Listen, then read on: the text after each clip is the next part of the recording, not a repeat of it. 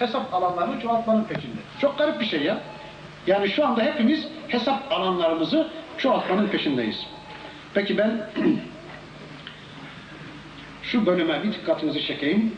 Bakın diyor ki Rabbimiz İyyâke na'budu ve İyyâke nesta'in. Ya Rabbi ancak sana kulluk yaparız ve ancak senden yardım dileriz. Tüm hayatı kulluk namına sana takdim edeceğiz ama bu zordur ya Rabbi. Çünkü çevrede kendilerine kulluğa çağıran babamız var, anamız var, kocamız var, devletimiz var, ağamız var, patronumuz var, amirimiz var. Çevrede bir sürü sahte ilahlar, sahte Rablar var, tağutlar var. Bütün bunların içinde biz yalnız sana kulluk yapacağız diye söz verdik ama bu zor bir şeydir. Bunu becermek zordur.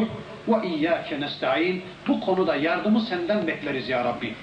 İşte Fatiha talimi meseledir. Allah'tan isteme yeridir. Şu cümlemi iyi bir anlayın. Namaz kılmayan bir adam, yani günde 40 defa namazında şu duayı yapmayan bir adam, o adamın İslami hayatı bozuktur. Bu cümlemi iyi bir anlayın. Ya Rabbi sana kulluk yapacağız. Tüm hayatımızı kulluk olarak sana takdim edeceğiz ama bu zor bir şeydir. Ve iyyâke nesta'in. Yardımı senden bekliyoruz ya Rabbi. Bu zoru başarma konusunda, bu akabeyi aşma, bu zoru iktiham etme, göğüsleme konusunda senden yardım istiyoruz Allah'ım demiyorsa bir adam, yani namaz kılmıyorsa bir adam, onun hayatı bozuktur. Namaz kılmayan bir adam örtünemez. Namaz kılmayan bir adam zekat veremez. Namaz kılmayan bir adam ilim yoluna giremez. Namaz kılmayan bir adam zekatını veremez. Namaz kılmayan bir adam çocuklarını eğitemez. Niye? Çünkü namaz kılmayan bir adam şu cümleyi söylemiyor demektir. İyyâke na'budu ve iyyâke nesta'inu. Ya Rabbi ancak sana kulluk yaparız. Fakat bu kulluğumuz konusunda da yardımı senden bekleriz. Yani namazda Allah'tan yardım istemeyen bir kulun İslami hayatı bozuktur. Onun için diyor ya Rabbimiz وَاسْتَعِينُوا بِالصَّبْرِ وَالصَّلَاةِ وَاِنَّهَا لَكَب۪يرَةٌ اِلَّا عَلَى الْخَاشِعِينَ diyor ya namazla Allah'tan yardım bekleyin, dileyin. İşte günde 40 defa namaz vasıtasıyla Allah'tan yardım istemeyen bir adamın tüm İslami hayatı bozuktur. Öyleyse namaz Allah'tan yardım isteme makamıdır. İhtine sıratal müstakim. Ya Rabbi bizi sırat-ı müstakime hidayet et. Bizi doğru yola ulaştır. Bakın Fatiha'da bizim talebimiz geldi. Bizim talebimiz, bizim isteğimiz bu. Ne istiyoruz bakın Allah'tan? Sırat-ı müstakim istiyoruz. Diyoruz ki ya Rabbi ne olur bizi sırat-ı müstakime hidayet et. Bizi, bize sırat-ı müstakimi göster. Şimdi bakın, bizim bu talebimize karşılık, doğru yol isteğimize karşılık hemen Kur'an'ın başında Allah diyor ki Elif, La, Mim kitab la raybe fi huden lil muttaqin. Kullarım siz namazda günde 40 defa benden bir şey istiyorsunuz. Sarhoş filan değilsiniz değil mi? Aklınız başınızda değil mi? Ne istediğinizin farkındasınız, ciddisiniz değil mi? Ne istiyoruz bakın? Diyoruz ki ya Rabbi aman bize doğru yolunu göster. Aman ya Rabbi bize sıratı mustakimi göster. Diyoruz ya. Diyor ki Allah kullarım ne dediğinizin farkındaysanız, eğer ciddiyseniz bu sözünüzde, aklınız başınızda sarhoş falan değilseniz Elif, la, mim, kitab, la raybe fî, huden lil muttaqin. İşte kitap diyor Allah. Eğer siz gerçekten benden hidayet istiyorsanız, sırat-ı mustakimi doğru yolu istiyorsanız, işte kitap diye Allah bizim Fatiha'daki talebimizin cevabı olarak hemen Bakara suresinin başında hidayeti gösteriyor. Fakat hiçbirimiz bu kitapla beraber değiliz. Günde 40 defada istemeye devam ediyoruz. Çok garip bir şey ya. Değil mi? Anladınız mı? Çok garip bir şey. Farz edin ki ben bu evin yabancısıyım. Bu evin sahibine diyorum ki bana tuvaleti gösterir misin? Bir şey istedim bakın. Bana tuvaleti gösterir misin? Ev sahibi bana tuvaleti göstermek için kalkıyor ve ben bu arada ona ne dediğimin farkında değilim. Şuursuzca söylüyorum ya. Hemen çıkarıyorum pantolonumu. Şurada iş bitirmeye kalkıyorum. Bu ne küstahlık ya? Tuvalete gitmeyecektin. Niye sordun tuvaleti ya be kardeş? Sordun niye gitmiyorsun tuvalete? Bu aynen bunun gibi küstahlıktır. Ya Allah'tan günde 40 defa bir şey istiyoruz. Diyoruz ki ya Rabbi ne olur bize doğru yolu göster. Allah da diyor ki Kulum işte doğru yol bu kitapta diyor. Fakat bu kitapla beraber değiliz. Günde 40 defa da sürekli istiyoruz. Bir başka misal vereyim. Ben farz edin ki buranın yabancısıyım. Şu sokakta geçmekte olan bir kardeşe diyorum ki camiye nereden gidilir? Adam yarım saat bana tarif ediyor. Şuradan gideceksin, şuradan döneceksin, şöyle yapacaksın, şöyle yapacaksın. Yarım saat bana tarif ediyor. Ben adamı duyduktan, dinledikten sonra adamın tarif ettiği istikametin tam zıttına gitmeye kalkıyorum. Bu ne küstahlık ya? Madem ki gitmeyecektin camiye niye sordun adama? Sordun niye gitmiyorsun? İşte Fatiha'daki bizim bu isteğimiz de aynen böyle. Biz diyoruz ki Allah'a ya Rabbi ne olur bize sıratı müstakimi göster. Allah da bize sıratı müstakimi gösteriyor. Diyor ki işte kitap ya okuyun kitabı. Bu kitapla beraber olun sıratı müstakim bu diyor. Fakat hiçbirimiz bu kitabı okuma adına bir gayretin içinde değiliz. Günde 40 defa da istemeye devam ediyoruz. Sarhoşça istiyoruz da ondan. Ne dediğimizin farkında değiliz de ondan. Sarhoşça bir namaz kılıyoruz da ondan. Sırat-ı müstakim ne? O konuda da birkaç cümle söyleyeyim. Fazla uzatmayacağım. Sırat-ı müstakim zaten biraz sonra gelecek. Sıratallezine en'amte aleyhim gayril mağdubi aleyhim ve dallin diyecek Allah da şöyle kısa bir misal vereyim bakın. Sırat-ı müstakim bir tarafını Kur'an'ın bir tarafını da sünnetin tespit ettiği çok geniş bir otoban düşünün. Çok geniş bir cadde düşünün. Aynı anda milyarlarca insanın yürüyebileceği kadar geniş bir cadde düşünün. İşte sırat-ı müstakim odur. O sırat-ı müstakimde milyarlarca insan aynı anda yürüme imkanına sahiptir. Öyle bir cadde düşünün, geniş bir cadde.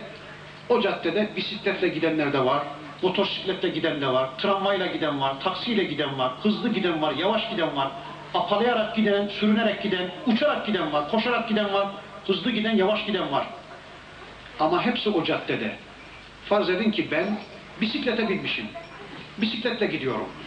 Şöyle arkama dönüp bir bakıyorum, benim gibi bisiklete binmeyen, yani benim metodumu kullanmayan Müslümanlara ver yansın ediyorum. Alçaklar, hainler, siz İslam düşmanları, siz sırat-ı müstakimin dışındasınız. Siz İslam dininin dışındasınız. Siz bizden değilsiniz. Niye?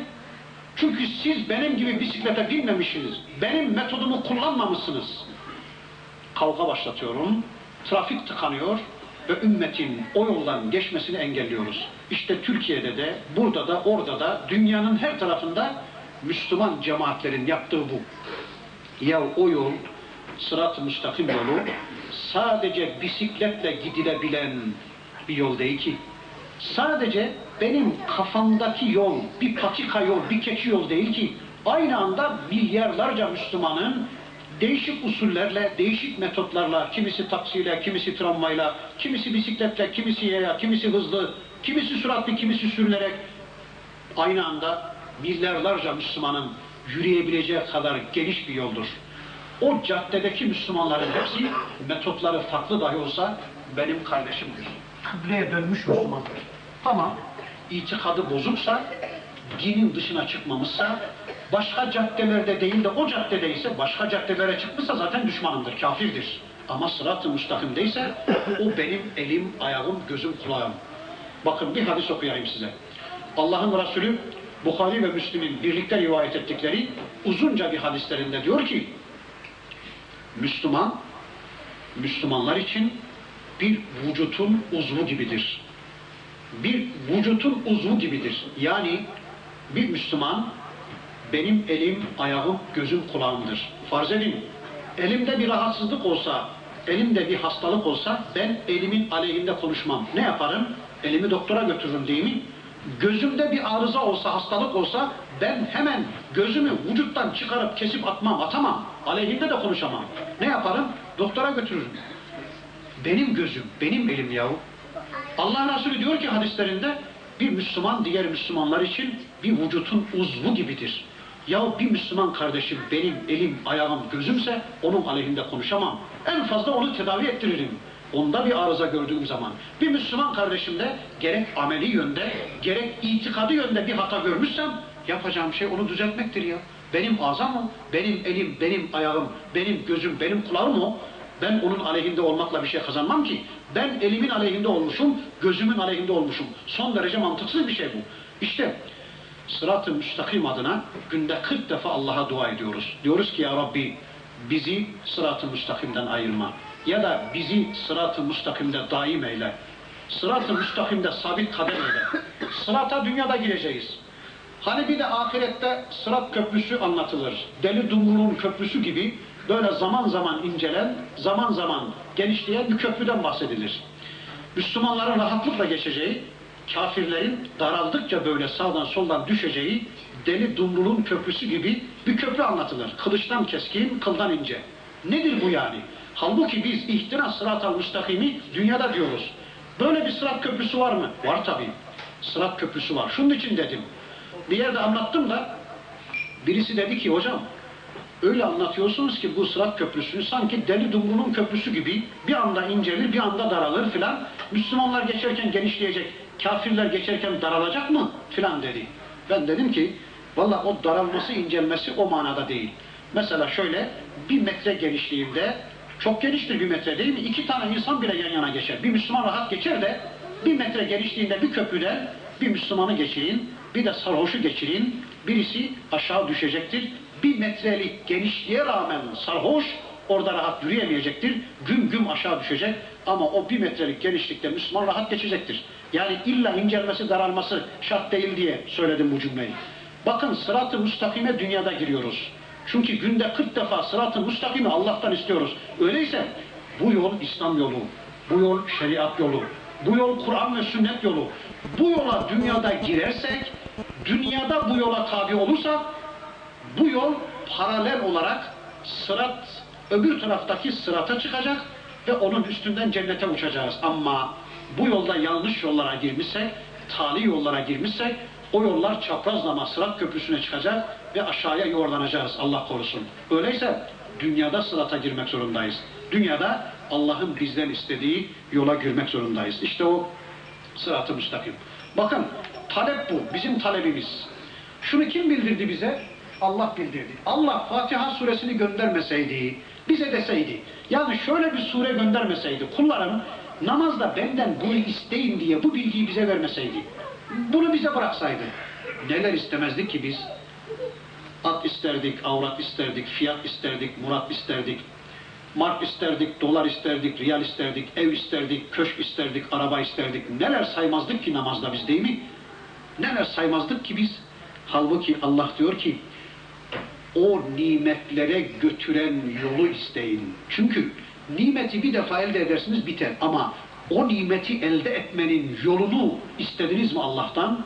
Zaten sıratını istiyoruz bakın. Sırat-ı müstakim. Mesela bakın bir çocuğun problemini bir defa çözüvermeniz fazla bir şey ifade etmez. Farz edin ki bir çocuk geldi bir problemi çözememiş. Bir defa çözüverdiniz bitti. Ama o çocuğa o problemi çözmenin yolunu göstermeniz biraz daha farklı değil mi? Çünkü artık o çocuk sürekli o tür problemlerle karşı karşıya kaldığında onu çözebilecek noktaya gelmiştir. Sizden para istemeye gelen bir dilenciye 10 şilin vermenizle her an 10 şilini kazanabileceği bir yolu göstermeniz farklıdır değil mi? 10 şilin bir anda biter. İki defa verseniz yine biter. 10 sefer verseniz yine biter ama 10 şilini sürekli kazanabileceği bir yolu, bir usulü, bir metodu ona öğretirseniz o hiç bitmez. İşte bakın biz Allah'tan tüm nimetlerin yolunu istiyoruz. Bizim için neyin hayırlı, neyin hayırsız olduğunu da bilmeyiz. Rabbimiz diyor ki zaten bu sureyi Allah gönderdi.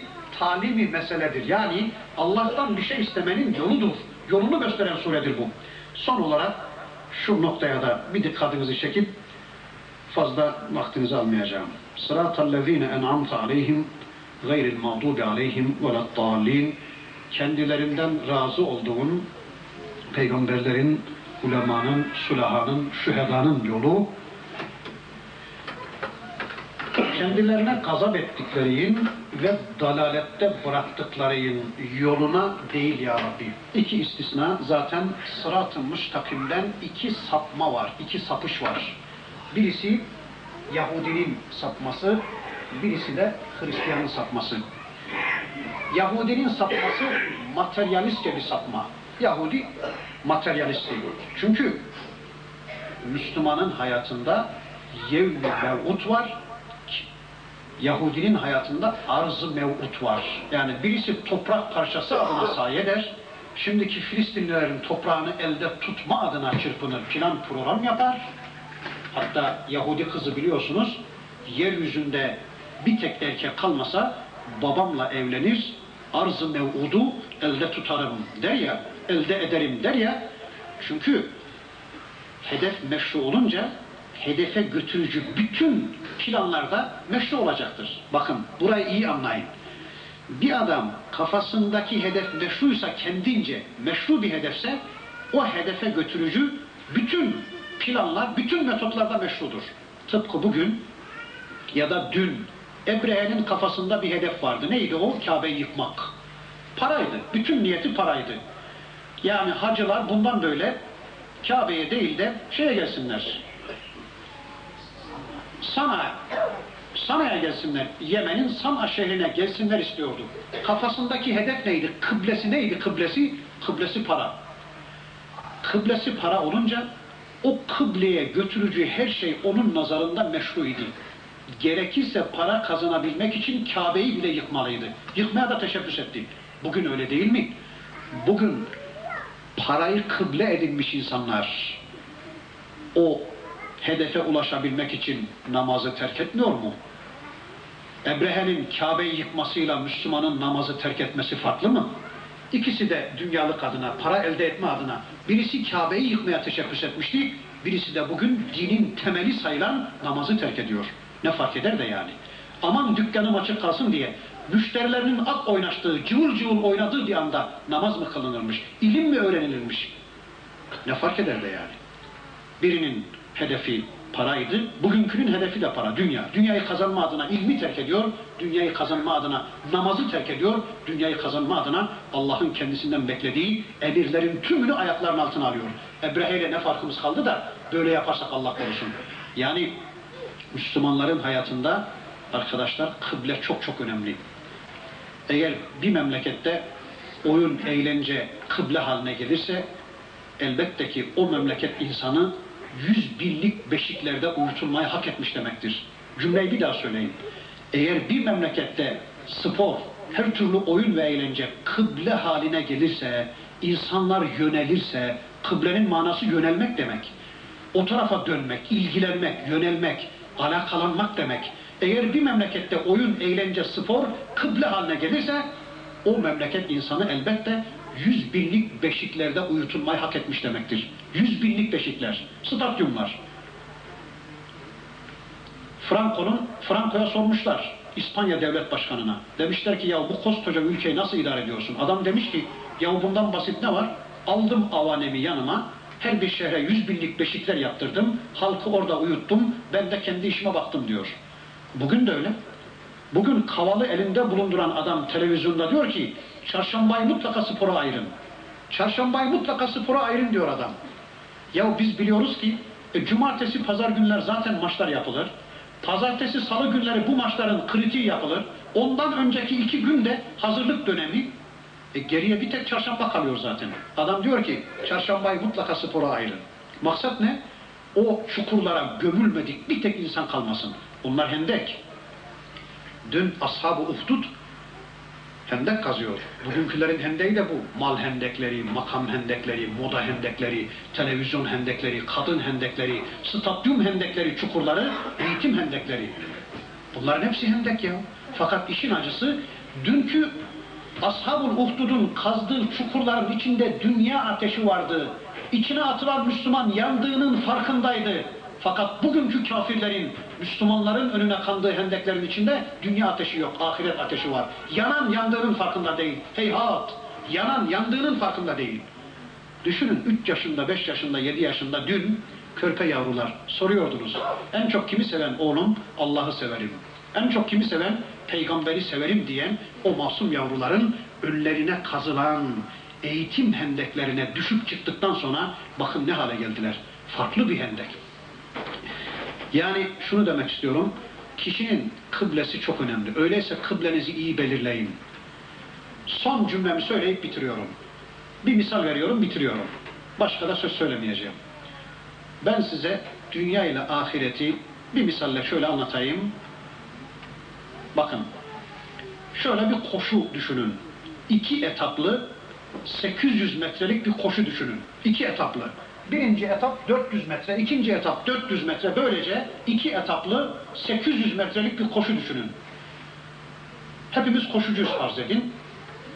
Düdüğün çalmasıyla ya da tabancanın atılmasıyla harekete geçtik. Farz edin ki içinizde ben çok süratli hareket ettim. Bütün enerjimi sarf ettim. Yarışın birinci etabı olan ilk 400 metresini hepinizin önünde bitirdim. Fakat yarışın ikinci etabında çekiliverdim. Yarışın ikinci etabında ismim dahi geçmiyor. Ben bu yarışın birincisi sayılabilir miyim? Sayılamam değil mi? Yahu bu yarış 400 metrelik bir yarış değil ki. 800 metrelik bir yarış. Ben bu yarışın ilk 400 metresini önde bitirdim ama ikinci 400 metrede adım bile yok ya çekilivermişim. Dünya ile ahiret aynen böyledir ey Müslümanlar. İki etaplı bir koşudasınız. Planınızı, programınızı ona göre yapın. Farz edin ki bir adam ilk etabı olan dünyayı birinci olarak bitirse, mesela dünyada en güzel kadınla evlense o konuda birinci. Dünyada hiç kimsenin oturamayacağı en lüks evde otursa o konuda birinci. Dünyada hiç kimsenin sahip olamayacağı kadar markı doları olsa o konuda birinci. Dünyada hiç kimsenin sahibi olamayacağı kadar bir iktidar sahibi olsa o konuda birinci. Şimdi bu adam ikinci 400 metreyle alakalı bir hesabı, bir kitabı, bir derdi, bir gamı, bir çilesi, bir endişesi yoksa bu adam birinci olur mu ya? Bu yarış iki etaplı bir yarıştı. Bu yarış sadece 400 metrelik yani ölümle biten, dünyada biten bir yarış değil ki ya. İkinci 400 metrede bu adamın ismi dahi yok. Planı yok, derdi yok, gamı yok, çilesi yok. Öyleyse ey Müslümanlar, Allah'ınızın aşkına unutmayın. Cuma günkü söylediğim cümleleri aynen bir daha söylüyorum. Ben bu şeyin konusunda eminim. Çünkü burada hakikaten ayrılırken, Konya'dan ayrılırken Konyalı en şuurlu cemaatin ağladığı, gitme hocam diye ısrar ettiği bir hocamız var burada. Yani Konyalı biz hocamızı kaybettik diye üzüldüğü, ben şeydeydim, uğurlama e, garajdaydım, bütün arkadaşlar arkasından ağladı. Böyle gerçekten hem ihlas yönünden hem ilim hem samimiyet yönünden sizi doyuracak, tatmin edecek bir hoca elde etmişsiniz. Şansınız varmış, nasip buraymış, ona sahip çıkın, onu iyi dinleyin. Anlattıklarını yazın, tespit edin, ilgisiz olmayın. Mesela bizim çok hocalarımız geldi geçti, dinledik. O zamanlar kıymetini bilmiyorduk. Yahu yazalım, çizelim, anlayalım, öğrenelim, gidelim, soralım demedik. Bugün arıyoruz. Baktı geçti gitti. Allah'ınızın aşkına bir yere bir alim gelmişse, ondan istifade etmesini bilmemişse insanlar, Allah onlara hesap soracaktır. Hepinizi Cenab-ı Hakk'a emanet ediyorum. Türkiye'de ya da başka yerde, başka zaman görüşme imkanı verir inşallah Cenab-ı Hak. Tekrar görüşürüz. Görüşemezsek havuzun başında Allah Resulü Hazreti Muhammed Aleyhisselam'ın mukaddes ellerinden yudum yudum içerken onun huzurunda onunla birlikte sohbet etmeyi Allah hepimize nasip ve mukadder kılsın. Allah hepimizi yolundan ayırmasın, dinine hizmetten ayırmasın. Karılarımızın namusuna sahip çıktığımız kadar Allah'ın namusu olan bu camilere adeta Nuh gemisi olarak bu toplumda batmak istemeyenlerin sığınması gereken bu mescitlere sahip çıkın. Buralarla irtibatınızı kesmeyin. Çünkü sahabi döneminde bir tanesi istemeye istemeye Resul Ekrem izin verdi. Önce cumalarda tekledi, sonra vakit namazlarında tekledi. Allah korusun sapıttı gitti. O hale gelmeyin Allah'ınızın aşkına. Bu çalışmaların içinde olun. Plan program yapın. Allah'ın dinine hizmet edin. Allah hepimizi cennetlik kullarının zümresine ilhak eylesin. Hepimizi razı olduğu zümreye ilhak eylesin. Hepimizin günahlarını affetsin. Allah hepinizden razı olsun. Subhan rabbike rabbil izzeti amma yasifun ve selamun alel murselin. Velhamdülillahi rabbil alemin. El Fatiha.